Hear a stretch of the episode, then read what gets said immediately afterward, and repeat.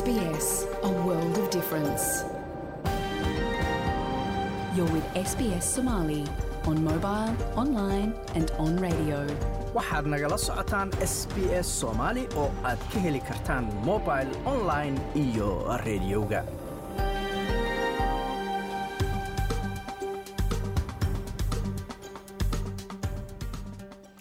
habeen wanaagsan. Dhammaantiinba meel kastoo aad joogtaan waa habeen arbacaa bisha julayn ay tahay labaiyo toban sanadka labada kun iyo labaatan iyo saddexda. Halkaad naga dhegaysanaysaanna waa laanta af soomaaliga ee idaacadda s b s oo si toosa idinkaga imanaysa. Stuudiogaanu ku leenahay magaalada melbourne. Magacayguna waa xasan jaamac. Waxyaalaha aad caawa idaacadda ku maqli doontaanna waxaa ka mid ah. Baarlamaanna meesha laga fiirinayo muraayadda u ah marka laga yimaado mudanayaasha waa guddoonka. Dabcan dhaliilo badan oo guddoonkeyga dul saaran way jiraan oo xagga hogaanka ah. Iyadana dee dabcan cidda la rabo inay la xisaabtanto waa goloweynaha weeye. Waa xildhibaan cali mahdi maxamed oo ka tirsan baarlamaanka soomaaliya oo nagu soo booqday stuudioga magaalada melbourne oo aanu waraysi idinka hayno. Sidoo kale waxaad maqli doontaan Now they're organized. We have a companies who work this properly. They have insurance. They don't overpopulate the rooms and apartments. So waa mid ka mida barnaamijyadeennii deganaanshaha oo caawa aanu kaga hadlayno ardada ajaaniibta ee dalkan australia wax ka barta iyo dhibaatada ay kala kulmaan marka ay doonayaan inay helaan meel ay markaasi degaan xilliga ay jaamacadda waddankan ka dhiganayaan in doorashada golaha wakiilada iyo madaxweynaha ku dhacdo xilligeedii ahaa sideeda janawari dowladduna la timaado barnaamij qeexan oo lagu fulinayo. Kaasuna wuxuu qayb ka ahaa wararkii soomaaliya. Marka horese wararka caawana waxaa ugu waaweyn dhakhtar caan ku ahaa inuu madaxa dadka ka qalo oo markaasi canaan iyo shuruudo lagu xiray inuu sii shaqeeyo guddoomiyaha bangiga dhexe philip low oo ku dhawaaqay isbedelo waaweyn oo lagu sameynayo bangigaasi. Antony albanisna waxaa lagu wadaa inuu la kulmo madaxweynaha ukrain volodimir zelenski andhehe iyagoo labaduba ku sugan shir madaxeedka nato. Wararkaas iyo kuwo kale u diyaar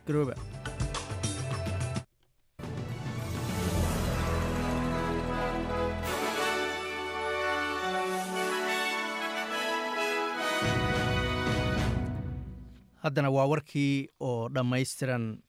Charles theo charles theo oo ah dhakhtar caan ku ah inuu dadka maskaxda ama madaxa ka qalo ayaa lagu helay anshax xirfadeed aan lagu qanci karin wax loogu yeeray. Waxaana lagu eedeeyey inuu muujiyey dabeecad ah inuu tijaabooyin ku sameeyo dad uu ku qalayey gaar ahaan bukaamo uu ku qalay. Cisbitaal ku yaalla magaalada sydney guddiga cabashooyinka caafimaadka ee gobolka new south wales ayaa amray in ninkan la canaanto shuruudana lagu xiro diiwaangelintiisa dhakhtarnimo.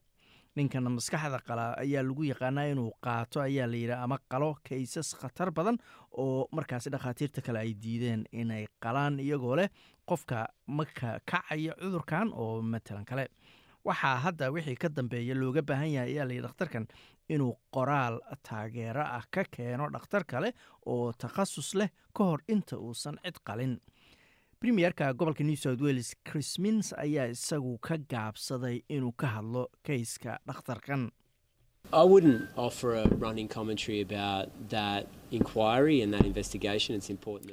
Ma doonaya ayuu yidhi inaan falanqayn ka bixiyo baaritaankan? Oo laga maarmaan in hay'adahaasi ilaaliya anshaxa xirfadaha ay shaqadooda qabsadaan. Waa war igu cusub ayuu yidhi in warbixintanba ay soo baxday. Marka waanu sugaynaa faahfaahinteeda ayuu yidhi premiyerku guddoomiyaha bangiga dhexe ee dalkan australia philip low ayaa ku dhawaaqay isbedelo waaweyn oo saameynaya bangiga dhexe kadib dib u eegid dad ka baxsan bangigu ay ku sameeyeen sida bangigu u shaqeeyo. Maer low ayaa sheegay in laga bilaabo sanadka soo socda bangigan dhexe oo r b a loo soo gaabiyo uu guddigiisa sare ee bangigu yeelan doono sideed shir sanadkiiba halka hadda kow iyo toban jeer ay shiraan sanadkiiba. Shirarkaas ayaa lagu gaaraa go'aamada lacagaha dulsaarka. Sidoo kale shirarkaas ayaa la qaban doonaa baa layidhi talaadada ugu horeysa bilahaasi wuxuu sheegay in shirarku ay kuwii hore ka dheer yihiin ama ka waqti dheer yihiin. Guddoomiyaha r b eeduna uu shir jaraa'id qaban doono kadib mar kasta oo ay shiraan guddiga sare ee bangigu si uu u sharaxo go'aanka lacagaha dulsaarka ee markaasi guddigu qaatay.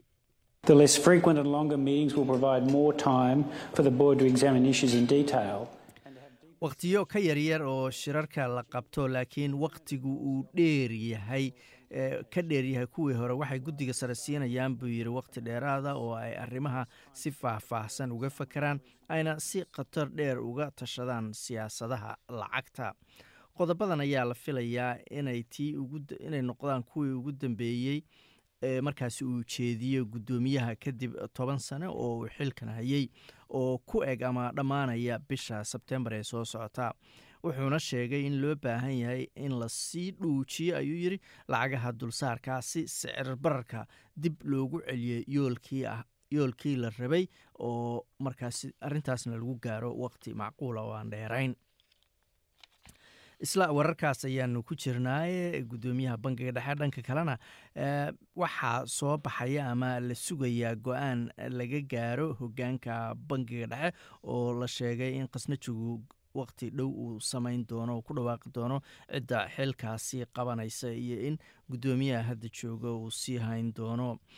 Khasnajiga dalkan australia ee federaalka ayaa sheegay in golaha wasiirada kale uu kala tashanayo liis markaasi loo soo gudbiyey oo ka kooban musharaxiin markaasi soo buuxiya shuruudaha looga baahan yahay guddoomiyaha hadda agaasimaha guud ee bangiga dhexe philip low ayaa isaga laftigiisu ku jira liiska doonaya inay shaqadaasi sii wadaan inkastoo wakhtigiisu uu dhammaanaya bisha sebtembar ee soo socota. Waxaana jira warar laysla dhex marayo soo baxaya oo sheegaya in ninkan markii xilkiisii aan loo cusboonaysiin doonin oo markii sebtembar wakhtigiisu dhammaado uu iska tegi doono qof cusubna la magacaabi doono jim chalmers ayaa sheegay inuu markaasi eegayo talooyin loo soo jeediyey ciddii buuxin lahayd booskaani. Arintaasna uu ula tegi doono golaha wasiirada si uu ugala tashado waqti dhow ayuu yidhi howlwadeenada caafimaadka ayaa ka digay inay soddon boqolkiiba sii kordheen carruurta cisbitaalada loo geeyo hargab ku dhacay. Kadib markii gobolka new south wales uu ku dhintay qof dhalinyaro ah kadib markii hargabku uu ku dhacay. Tan ayaa imaneysa toddobaad uun kadib markii madaxa caafimaadka ee gobolka new south wales kerry jant ay ka digtay in influenza b nooc la yiraahdo hargaba uu aada wadanka uuna sii kordhayo wadankana uu hadda ku jiro. Dhalinyaraduna ay yihiin dadka ugu khatarta badan noocan hargebka maamulayaasha caafimaadka ayaa ku boorinaya dhalinyaradu inay istalaalaan dor nig cotswork ayaa channel nine waxa uu sheegay in dadkoo ka caajisay tallaalada kadib faafkii covid nneteen-kii ay keentay in aad ay hoos ugu dhacaan dadka tallaalka ka qaadanaya hargebka halkaad weli nagala socotaan waa laantaaf soomaaliga ee idaacadda s b s.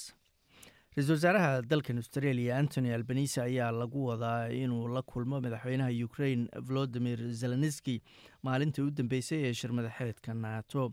Shirka ayaa la filayaa in diiraddiisa hadda loo wareejiyo hamiga dalka china ra'iisul wasaaraha ayaa horey ula kulmay xogeeyaha guud ee nato yens stoltenberg oo mar dambe wariyaasha u sheegay in china aysan ahayn cadowga nato. Laakiin daandaansiga ayuu yidhi ay sii wado china ayaa saameynaysa amniga iyo nidaamka caalamiga ah ee shuruucda ku salaysan. Maer albanise ayaa ku sugan caasimadda dalka lithuania ee venus la yidhaahdo isaga oo qeyb ka ah dalal afara oo ka socda dalalka indobacifica oo walaacooda la wadaagaya yurub iyo nato gaar ahaan walaaca ku aadan saameynta caalamiga ah ee ka dhashay duulaankii ruushka uu ku qaaday ukraine wuxuu sheegay in joogitaanka australia ee shirku ay ka turjumayso doorkeena caalamiga ah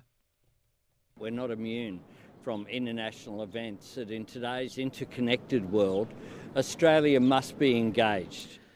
Kama tallaalin ayuu yidhi dhacdooyinka caalamiga dunidan isku xiran ee maanta aanu joogno australia waa inay ka qayb tahay waa inaannu saameyn ku yeelanno mustaqbalka ee aynaan iska aqbalin hadba wixii dhaca.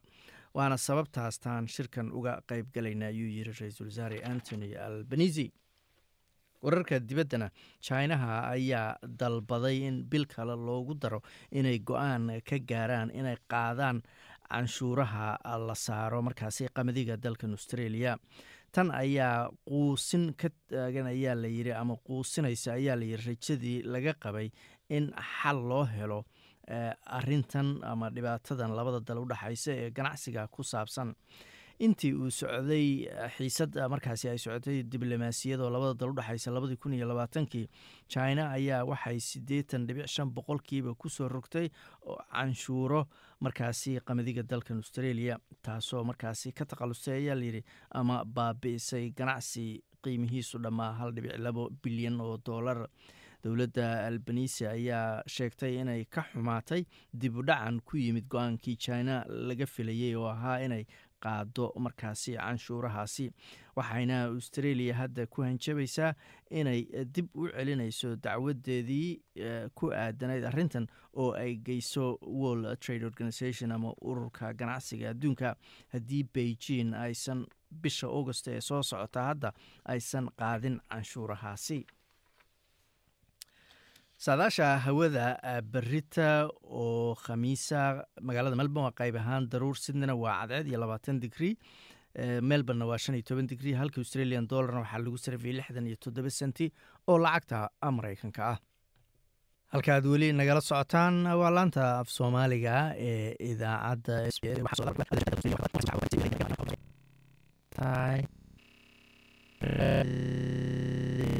deganaanshaha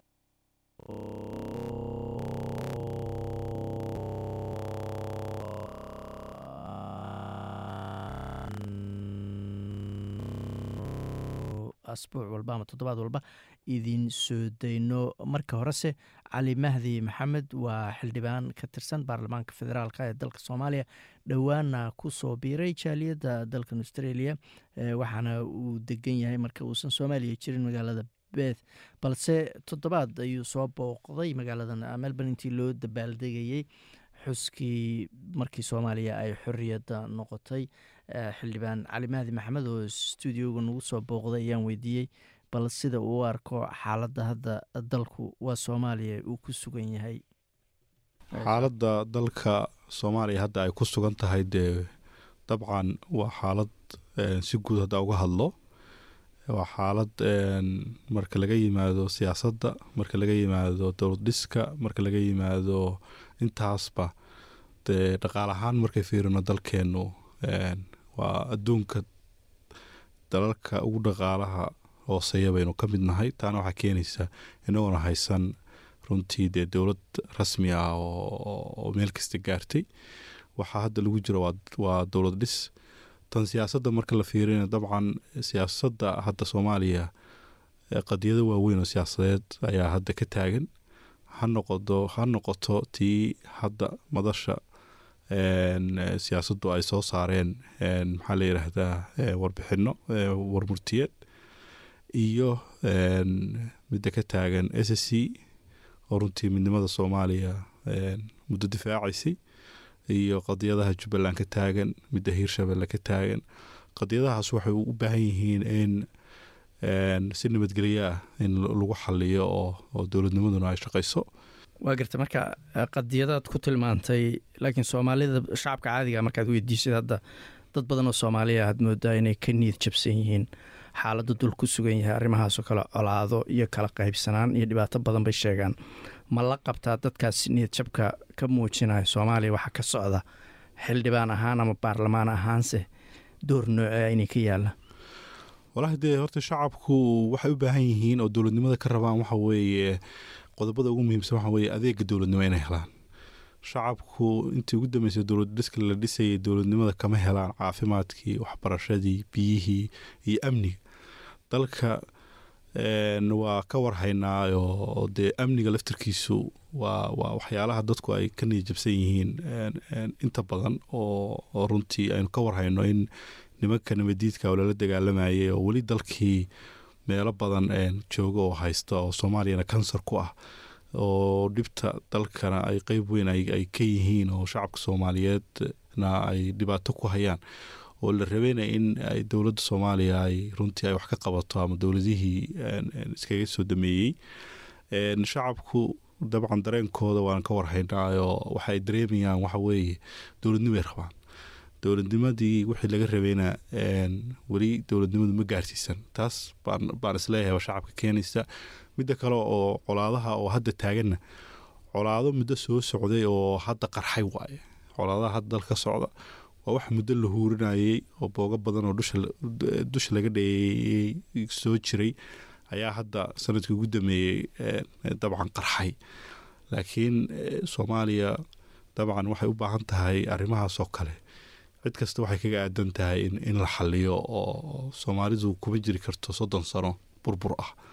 In lagu xaliyo maxaa la yidhaahdaa sida ay dalka iyo dantu ay ku jirto in lagu xaliyo waa garta marka xildhibaan ahaan iyo baarlamaan ahaan maxaa arrimahaas ka qabataan maxaase ka qaban kartaan walahi de baarlama ahaan de baarlamaanka horta waxaan leenahay shaqo waxaa jirta si collective ama wadajira xildhibaanada u saaran. Midna waa ra'yi oo de xildhibaan kasta ra'yigiisa gaar ayuu leeyahay oo oo dee dalkii dimuqraadiyad kama jirto asxaabnala kuma soo dooran. Laakiin waajibka annagana saaran waxa weeye inaan ilaalino dalka soomaaliya kuna ilaalino dastuurka wuxuu na farayo. Waajibaad buu na farayaa waajibaadkayga inaan gudino aan ku ilaalino dowladnimadana dowladana laanta fulintana aan la xisaabtanno waajibka annagana saaran. Waa intaas. Aan una qareenno shacabka soomaaliyeed siday ay adeeg u heli lahaayeen. Waa garta marka adigu xildhibaan cusub baa tahay. Saan u fahmay sanad iyo xogaabaad hadda xildhibaanatiin oo baarlamaan ku jiraa dad badan oo soomaaliya sidoo kale baarlamaanka iyo xildhibaanada dhaliilsan iyo nidaamka lagu soo doortay iyo marka la fiiriyo.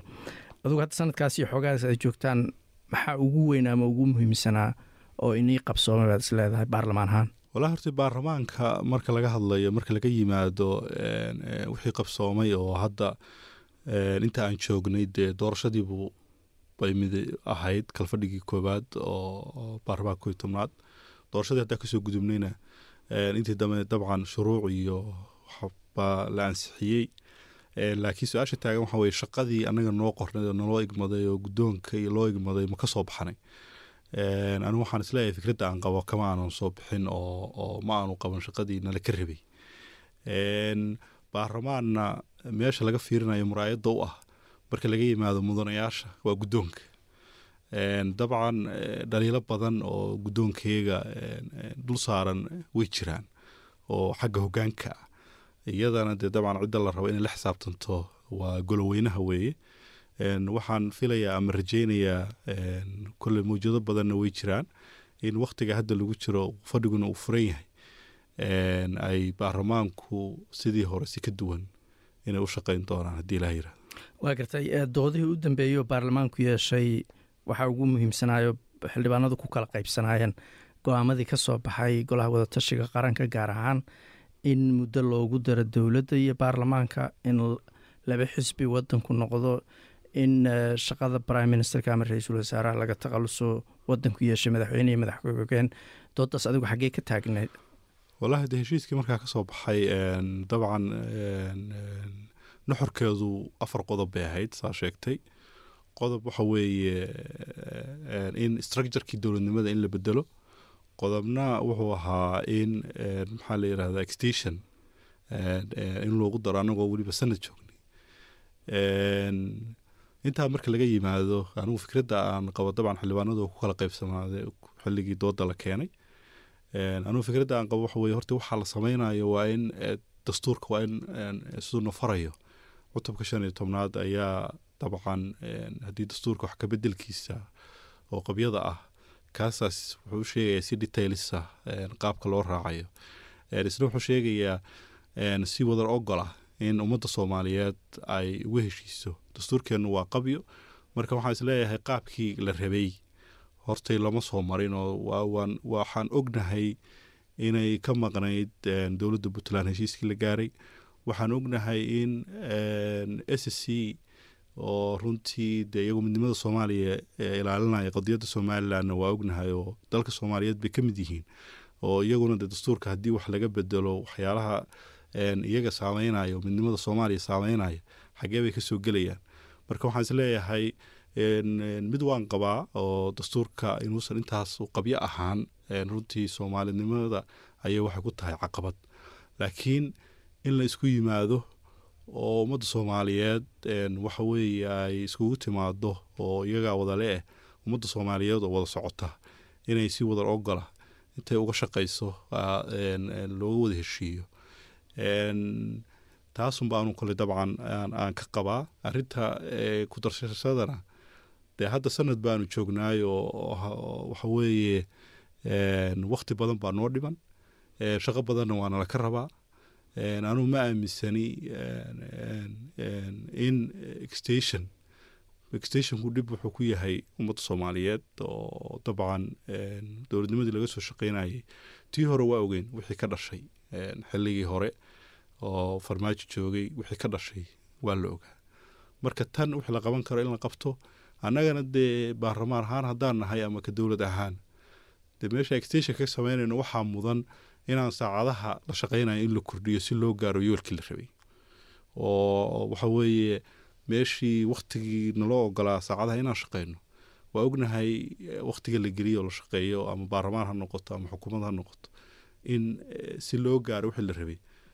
Dee waa in waktiga la kordhiyo haddii wax badan la qabanayo markaana la arko meesha aanu aanu gaarno. Anu waxaan leeyahay wax kasta waxay u baahan yihiin ummadda soomaaliyeed ayaa wada leh. Marka si wada jir ah oo wadar ogolah oo ummadda soomaaliyeed ay ka tashatay oo la iskugu yeeray oo cid kasta la qanciyey oo markaa wixii lagu heshiiyey lagu heshiiyey hore looga socon karo. Laakiin anuu ma aaminsanin wax cid gaara ay leedahay in ummadda soomaaliyeed lagu jujuubi karo ama ay ku socon karto. Waa garta laakiin ma qabtaa in wadanku nidaam madaxweyne qaato iyo in wadanka laba xisbi oo keliya u yeesho? Wallahi anu fikir ahaan horta kow ma qabo midda labaadna markii dimuqraadiyad la aadaya xisbiyada waa wadankan aad joogto waa wadan dimuqraadi ah. Dabcan marka laga yimaado xisbiyada waaweyn xisbiyo kaloo yaryar oo badan baa jira. Marka dimuqraadiyadda in iyada la yidhaahdo laba xisbi keliya jiri doona ma aaminsani taas waxay noqonaysaa sida waddamada kale oo dictaatoriyaddu ay ka jirto bay noqonaysaa. Midda kale oo ah in laga guuro barlamentariga oo loo guuro systemka madaxweynenimada dee iyada laftarkeeda tii hore soomaalidu horeba isku laysay. Systemka marka hore aynu qaadanay oo dastuurka noogu qoran oo structureka dowladnimada ah waa dhibta in la qaato dhib weyn baa soomaali ka soo martay shirar badan baa laga soo maray taarikhda waa ka warhaysaa tanna soomaalidu haddii ay ka guureyso oo nidaamka hadda ay ka guureyso waxay u baahan tahay si weyn laakiin hadda waxaan u malaynayaa inaan laga guuri karin sababta waxaana looga guuri karayn wixii hadda yaraa aynu haysanay oo horey loo soo dhodhoobay baa inoo waxaweeye baynu maalin kasta muran iyo iyo iyo khilaaf baynu baynu ku wada joognaa. Inagoo aynu isxalino inagoo waxa weeye wax kasta miiska la soo saaray oo wada ogola inaynu qaadano hadda waxbaynu ku heshiinay waxaynu ku heshiinay haddii la rabo in wax laga bedelo waxay noqonaysaa inagoo heshiis oo soomaali heshiis tahay in wax looga bedelo ayay noqonaysaa. Waa og tahay arrintaa markay soo baxday ummadda soomaaliyeed dad badan siyaasiyiintii hore madaxweyneyaashii hore cid kasta way ka hadashay. Soomaali oo dhan arrinta aad baa looga hadlay baarlamaanku waa ka hadlay. Marka waxaa leenahay shaqaduna cidda ay mas'uuliyadda iska leh waa baarlamaanka. Marka wax la sugo waxa weeye baarlamaanka ayaa shaqadaas kolley dastuurka wax ka bedelkiisa iyo maxaa la yidhaahdaa haddii wax lagu darayaba waa waajib labada aqal saaran. De baarlamaankuna ninkas mudane kastana aragtidiisa waa ka dhiibtay. Laakiin mudanayaashu say u badan yihiin waxa weeye wixii saxana way garanayaan wixii khaladna way garanayaan. Waxaanu aaminsannahay marka in marka laga yimaado heshiis siyaasadeed inuu arrintaasu ahayd arrin dastuuri aysan ahayn inaan anagu kolley fadhiyada aanu shaqadayada aanu iyo wixii nagaga aadan inaanu ka qabanno waa waajib masaaran waa gartay khilaaf baad ka hadashay xildhibaane adiga puntland baa lagaa soo doortaa. Khilaaf siyaasadeed baa ka jira oo doorashada soo socota ku qotoma.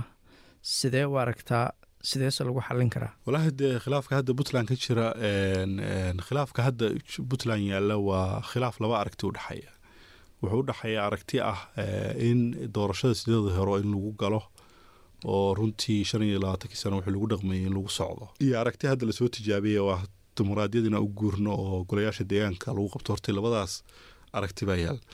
Markii la rabo in meel laga guuro oo meel hore loo deganaana laga guuro caqabadeeda iyo dhibteeda iyo kala aragti duwanaanshaheedu wuu imanayaa marka anigu waxaan qabaa dabcan haddeer kolley wixii dhacayba way dhaceen haddeerna kolley dad ayaa isku xilqaamay inay hawsha ka howlgalaan dowladduna marar badan waxay ka dhawaajisay in iyadu ay u taagan tahay wadahadal iyo ma garanaysaa in ummadda ciddii wax tabanaysa in la isku yimaado la xaliyo marka taas dabcan waxaan is leeyahay institutionka dowladda iyo simadii dhaqanka ahaa iyo siyaasiyiintii hadda tegey ee garow jooga waa ogtahay xaaladda ku jira in in iyaga laga aynu ka warsugno waxa ay labada aragti ka soo saaran hadalku wuxuu dhimanayaa waxa weeye meesha laba aragti baa yaalla. Aragti shacabka reer puntland dhammaantood ay rabaan oo ah inay mar qura codkooda ay dhiibtaan iyo aragti ah in sidii hore in lagu laabto marka labadaa aragti kolley oo herdamaya cidda hadda maanta gacanta ku haysa oo hawsha ku jirta baynu ka warsugaynaa meesha ay meeshii wax la dhigo.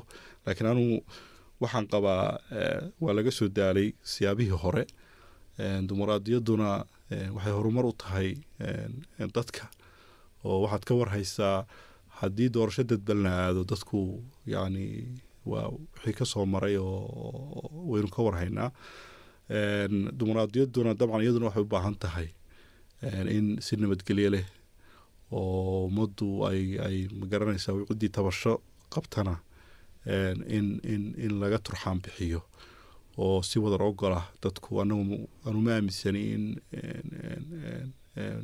dhiig soomaaliyeed ama ay cidi ku dhimato. Laakiin waxaa la rabaa in aynu dowladnimadeenana adkaysanno wax kastana aynu dhanka wanaagga ka fiirino islamarkaana aynu wax kastana dee ilo shacabka dowladnimada iska leh shacabka rabitaankooda inay siyaasiyiintu laftirkooda ay markasta ay ku shaqeeyaan. Kaasina wuxuu ahaa xildhibaan cali mahdi maxamed oo ka tirsan baarlamaanka federaalka ee dalka soomaaliya. Halka qadarkaas xayeysiinta aad kala socoteen waa laanta af soomaaliga ee idaacadda s b s. Waxaanu soo gaarinay kalabarka idaacaddeenni caawa wararkana waxaa ugu waaweynaa charles theo oo ah dhakhtar caan ku ah inuu dadka madaxa ama maskaxda ka qalo ayaa lagu helay waxaa lagu sheegay anshax xirfadeed oo aan la aqbali karin. Waxaana lagu eedeeyey ninkan inuu muujiyo dabeecad ah inuu tijaabooyin ku sameeyo dadka uu qalaya gaar ahaan laba bukaan oo uu ku qalay cisbitaalka sydney gudoomiyaha bankiga dhexe ee dalkan australia philip lowna waxa uu ku dhawaaqay isbedelo waaweyn oo lagu sameynayo bankiga dhexe. Kadib dib u eegid dad ka baxsan bankigu ay ku sameeyeen sida bankigu u shaqeeyo. Waxyaalaha go'aamada lagu gaaraya waxaa ka mid a in bankigu uu shiri doono sideed jeer sanadkiiba halka hore uu ka shiri jiray kow iyo toban goor sanadkiiba waxaa kaloo ka mida in markasta oo go'aan ay ka gaaraan lacagaha dulsaarka ay markaasi shir jaraa-id uu qabto guddoomiyuhu markaasina uu sharaxo sababta ay go'aamadaasi ku gaareen. Antony albanisina waxaa lagu wadaa inuu la kulmo madaxweynaha ukraine volodimir zelenski iyadoo lagu jiro maalintii u dambeysay ee shir madaxeedka nato. Shirka ayaa la filayaa in hadda wixii ka dambeeya diiradda lagu saaro hamiga marka dalka jinaha weli waxaa noo soo socdaa warbixintii nooga timid soomaaliya. Marka horese dalkan australia waxa uu ka mid yahay? Dalal badan dalal dhowra oo caalamka oo arday badan oo ajaaniiba markaasi ay waxbarasho u soo doontaan. Haddaba ardadaasi ajaaniibta mararka qaar waxaa caqabad ku noqda siday u heli lahaayeen meel ay degaan oo ku habboon kuna dhow jaamacadda markaasi qiimo macquulana ay ku degaan. Iyo arrimo la xiriira ayaanu ka soo diyaarinay warbixintan ka mid a warbixinaheenii deganaanshaha aanu toddobaad walba kaga hadli jirnay. Arin markaasi khusaysa sida fahamka dalkan australia. Australia waxay caan ku tahay inay ka mid tahay dalalka loogu jecel yahay in waxbarasho ay ardada ajaaniibta ay u aadaan laakiin hadda waxay wajahaysaa caqabado waaweyn marka ay noqoto sida ardadaasi ay u heli lahaayeen meel ay degaan. Toddobaadkan qaybta ka mida barnaamijyadeennii taxanaha ahaa ee deganaanshaha dalka waxaan ku eegaynaa noocyada kala duwan ee hoyga ama guriga sida gaarka loogu talagalay baahida ardaydaasi. Marka aad bilowdo inaad raadsato meel aad degto waxaa lagaba maarmaana inaad sida ugu dhaqsaha badan u bilowdo markaad xaqiijiso meesha aad wax ka baranayso. Waxaadna u baahan tahay in meesha aad degayso ay waafaqdo miisaaniyadaada meesha aad wax ka baranayso iyo qaabka aad rabtid inaad u noolaatid. Voyteg favjinski waa madaxa australian stady oo ku takhasustay caawimaadda dadka doonaya inay australia wax ka bartaan. Khibraddiisa ayaa ah inay u helaan noocyo hoy ah oo ku habboon ardada bilaha u horreeya ee ay dalka yimaadaan.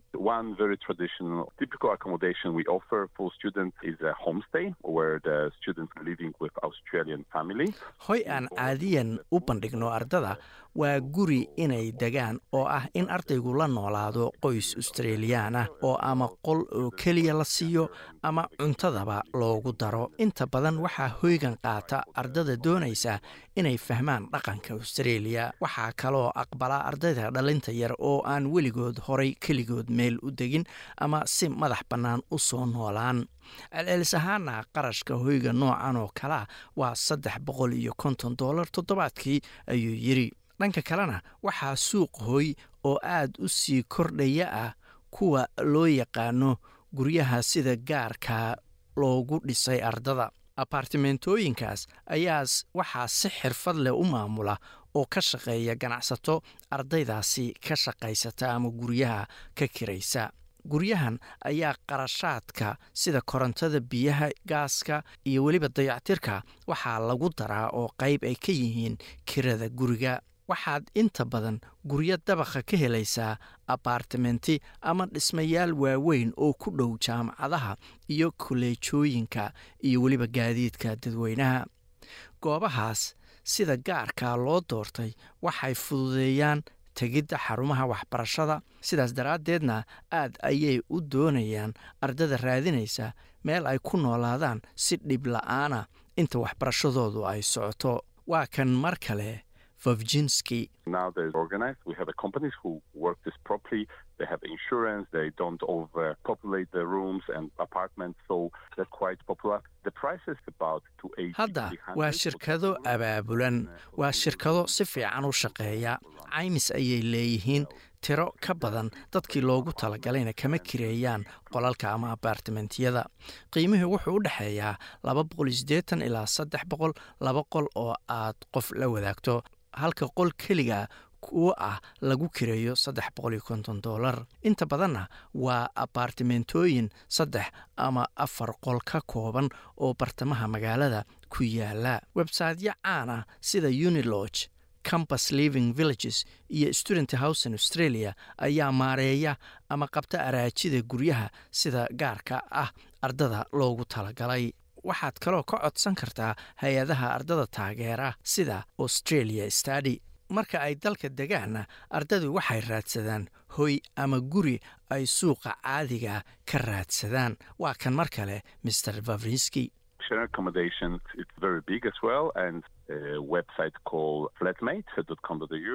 Waxay ardadu aad uga raadsadaan guryaha noocaasa.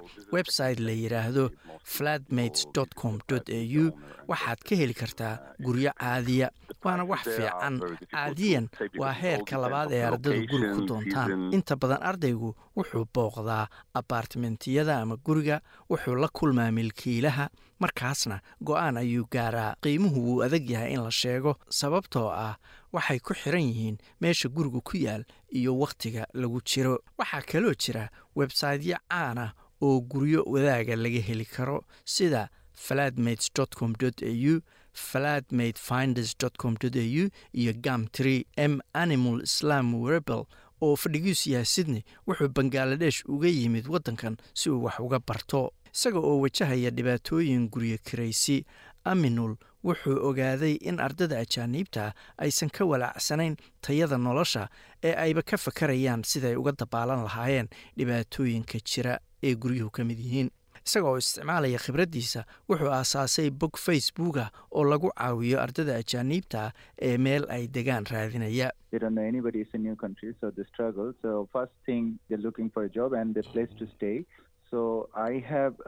qofna ma yaqaanaan waa dal ku cusub marka dhib ayaa ka qabsada.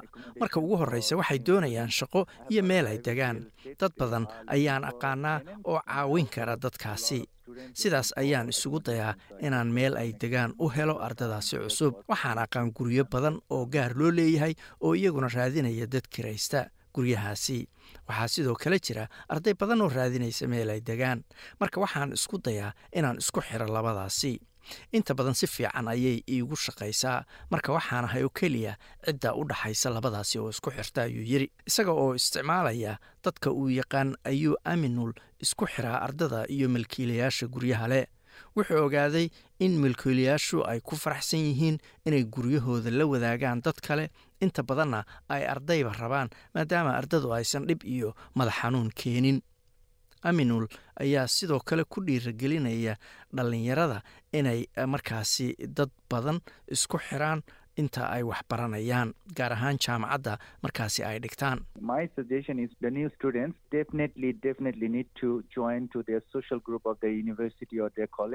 Waxaan they u soo need to join jeedinayaa ama kula talinayaa ardayda cusub inay ku biiraan kooxaha bulshada jaamacaddooda ama kollejka ay dhigtaan waxaa kaloo u baahan yihiin inay ku biiraan kooxo ka jira ama guruubyada facebooka oo ardada jaamacaddu leedahay. Waxaadna halkaas ka helaysaa kumanaan arday oo aad caawimaad weydiisan karto.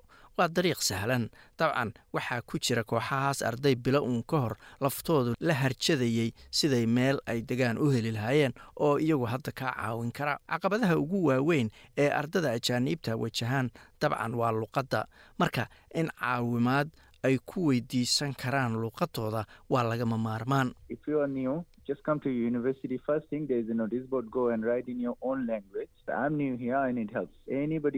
Haddii aad tahay arday cusub oo hadda yimid jaamacadda waxa ugu horreeya waa inuu jiro sabuurado ogeysiisyada lagu qoro.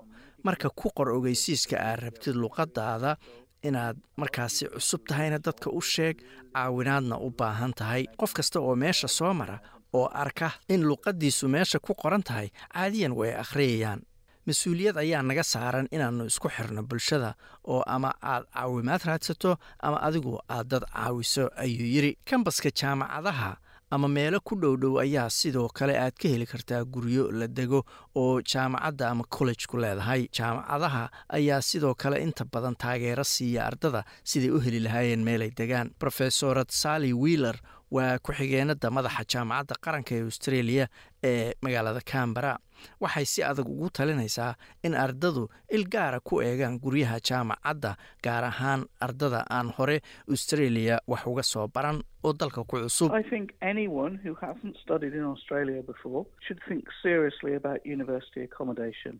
waxay ila tahay in ardada aan hore australia wax uga baran ay aad uga fakeraan inay helaan guryaha jaamacadda. Waa qaab fiican oo ay dad cusub kula kulmi karaan oo ay ku dhexgeli karaan bii'adda cusub waana lagu caawinayaa waxaa jira dad hubinaya inaad nolosha australia la qabsato taasina inta badan ma dhacayso haddii aad guri gooniya oo jaamacadda ka baxsan aad degan tahay ayay tiri. Kollejyada guryaha leh ayaa bixiya qol kuu gaara oo cuntadu ay ku jirto meel dadka ka dhexaysa oo madadaalo. Waxbarashadana waa laga caawiyaa dadka. Rofesorad wheeler ayaa sharaxaysa nidaamkan.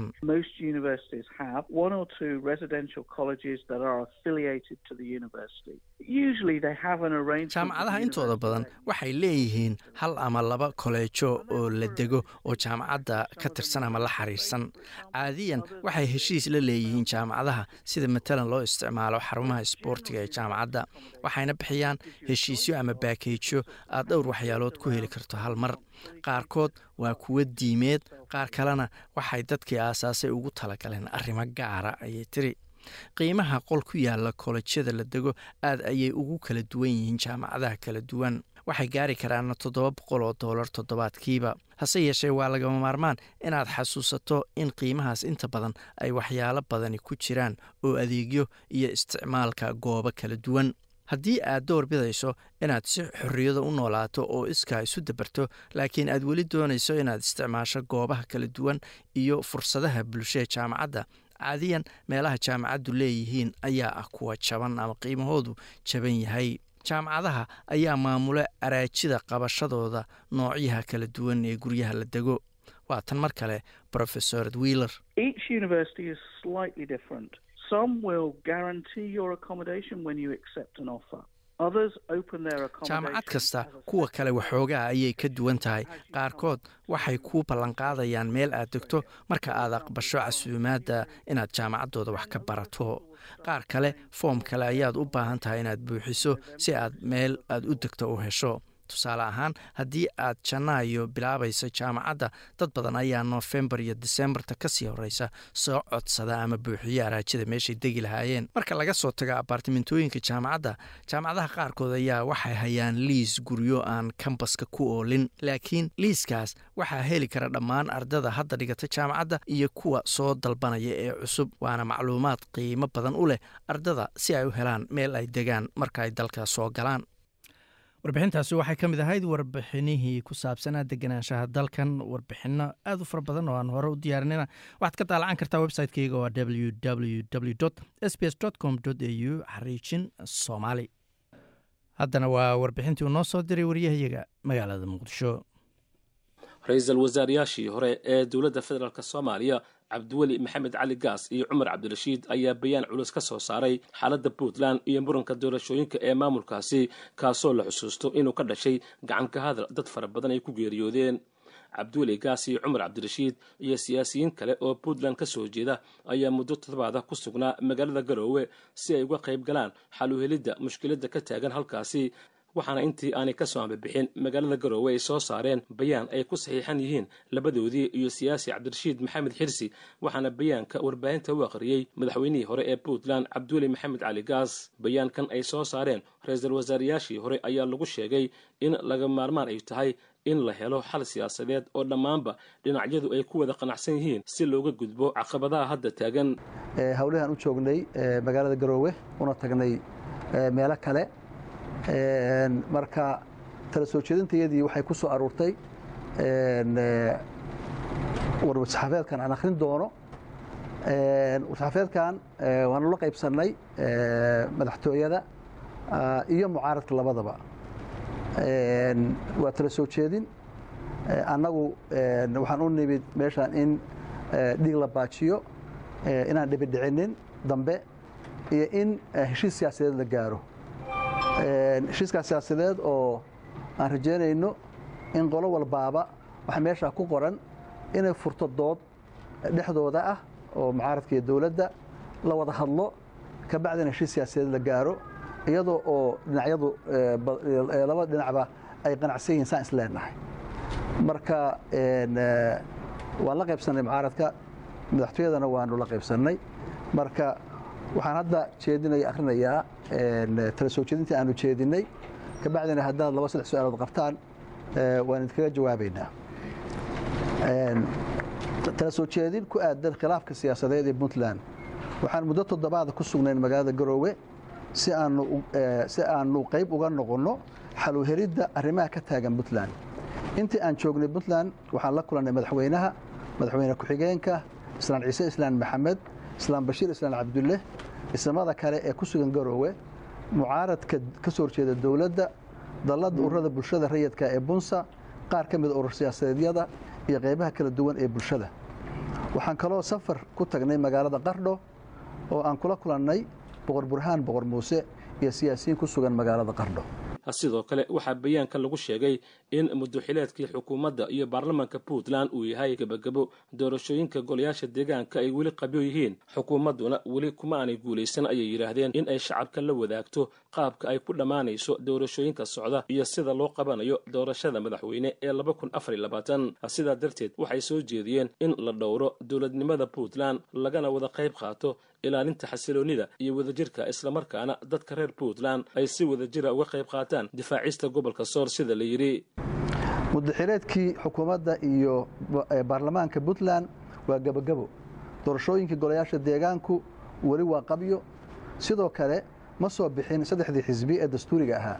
Xukuumadduna weli kuma guulaysan inay shacabka la wadaagto qaabka ay ku dhammaanayso doorashooyinka socda iyo sida loo qabanayo doorashada madaxweynaha ee sidaas darteed waxaa lagama maarmaana in la helo xal siyaasadeed oo dhammaan dhinacyadu ku wada qanacsan yihiin oo looga gudbo caqabadaha hadda taagan.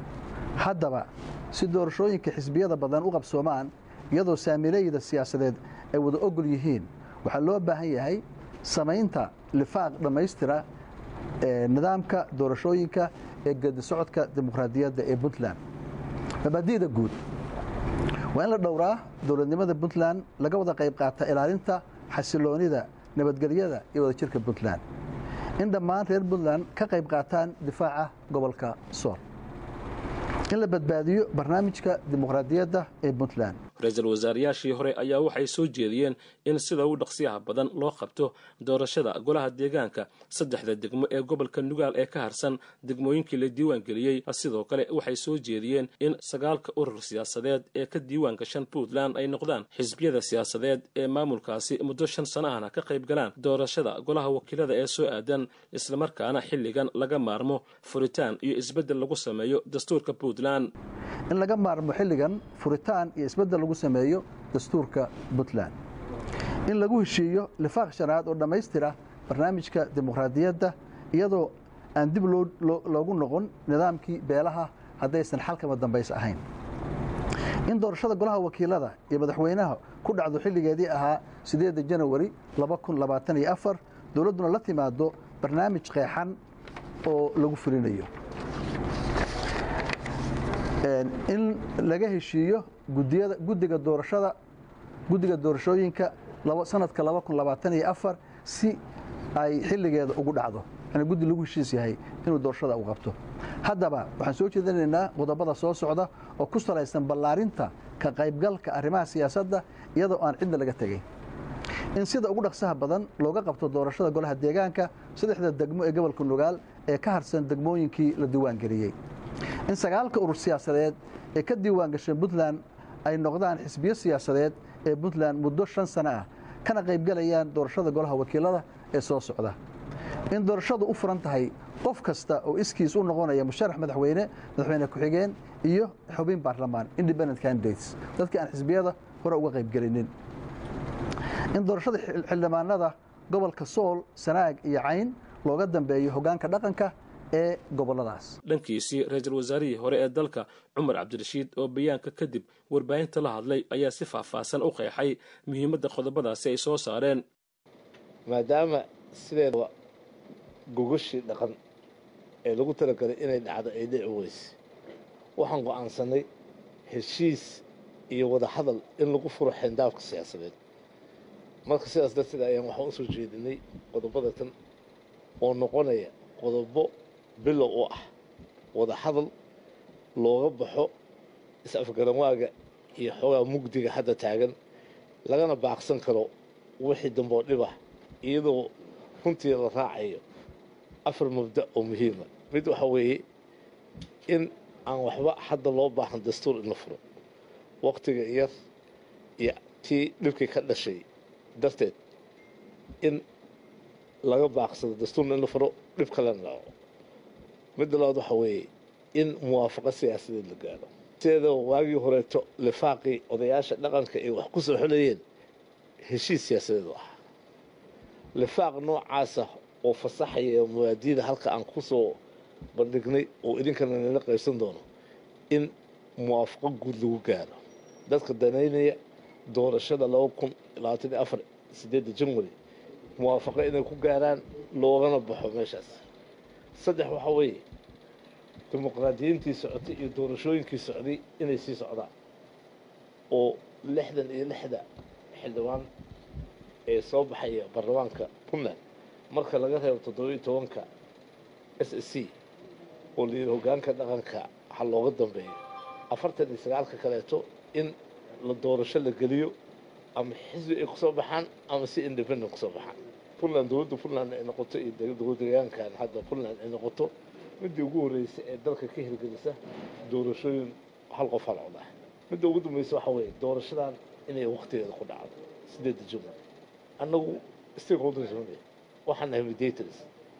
Waxaan rajaynaynaa haddii la yihahdo labada dhinacba inay si positive uga soo jawaabaan lama oga sida ay xukuumadda puntland iyo mucaaradkuba ugu qanci doonaan bayaankan ay mushkiladda ka taagan puntland ka soo saareen siyaasiyiintan oo horey dalka madax uga soo noqday waxaana dhanka kale labada mas'uul ay shalay soo gaareen magaalada muqdisho iyagoona qayb ka ah siyaasiyiin badan oo mucaarad ah iyo madaxdii hore ee dalka kuwa oo uu martiqaaday madaxweynaha dowladda federaalk soomaaliya xasan sheekh maxamuud si ay uga qayb galaan shirka wadatashiga qaran oo maanta muqdisho ka furmay halkaad warbixintaas kala socoteen waa laanta af soomaaliga ee idaacadda s b s gebagabadii idaacaddeena caawa ayaanu soo gaarnay wararkana. Waxaa ugu waaweynaa charles theo oo ah dhakhtar caan ku ah inuu maskaxda qalo ayaa lagu helay. Waxaa lagu tilmaamay anshax xirfadeed aan lagu qanci karin waxaana lagu eedeeyey inuu muujiyo dabeecad ah inuu dadka uu qalayo markaasi tijaabo ku sameeyo gaar ahaan labo bukaan oo uu ku qalay cisbitaal ku yaalla magaalada sydney. Gudoomiyaha bankiga dhexe philip lowna waxa uu ku dhawaaqay isbedelo waaweyn oo lagu sameynayo bankiga dhexe iyo sida uu u shaqeeyo kadib dib eegida ka baxsan bankiga oo lagu sameeyey sida bankigu u shaqeeyo. Antony albanisina waxaa markaasi lagu wadaa in uu la kulmo madaxweynaha ukraine volodimir zelenski maalinta u dambeysay shir madaxeedka nato oo ka socda wadanka lithuania. Shirka ayaa la filayaa hadda in diiradda lagu saaro hamiga markaasi dalka china. Idaacaddeenii caawana intaas ayaanu ku soo gebagabeyneynaa. Waad ku mahadsantahay inaad dhegaysato raadiyaha s b s toos u dhegaysa barnaamijka habeenada arbacada iyo jimcada tobanka fiidnimo. Ama kaga soo cesho website-ka iyaga iyo s b s radio app booqo com au xariijin soomaali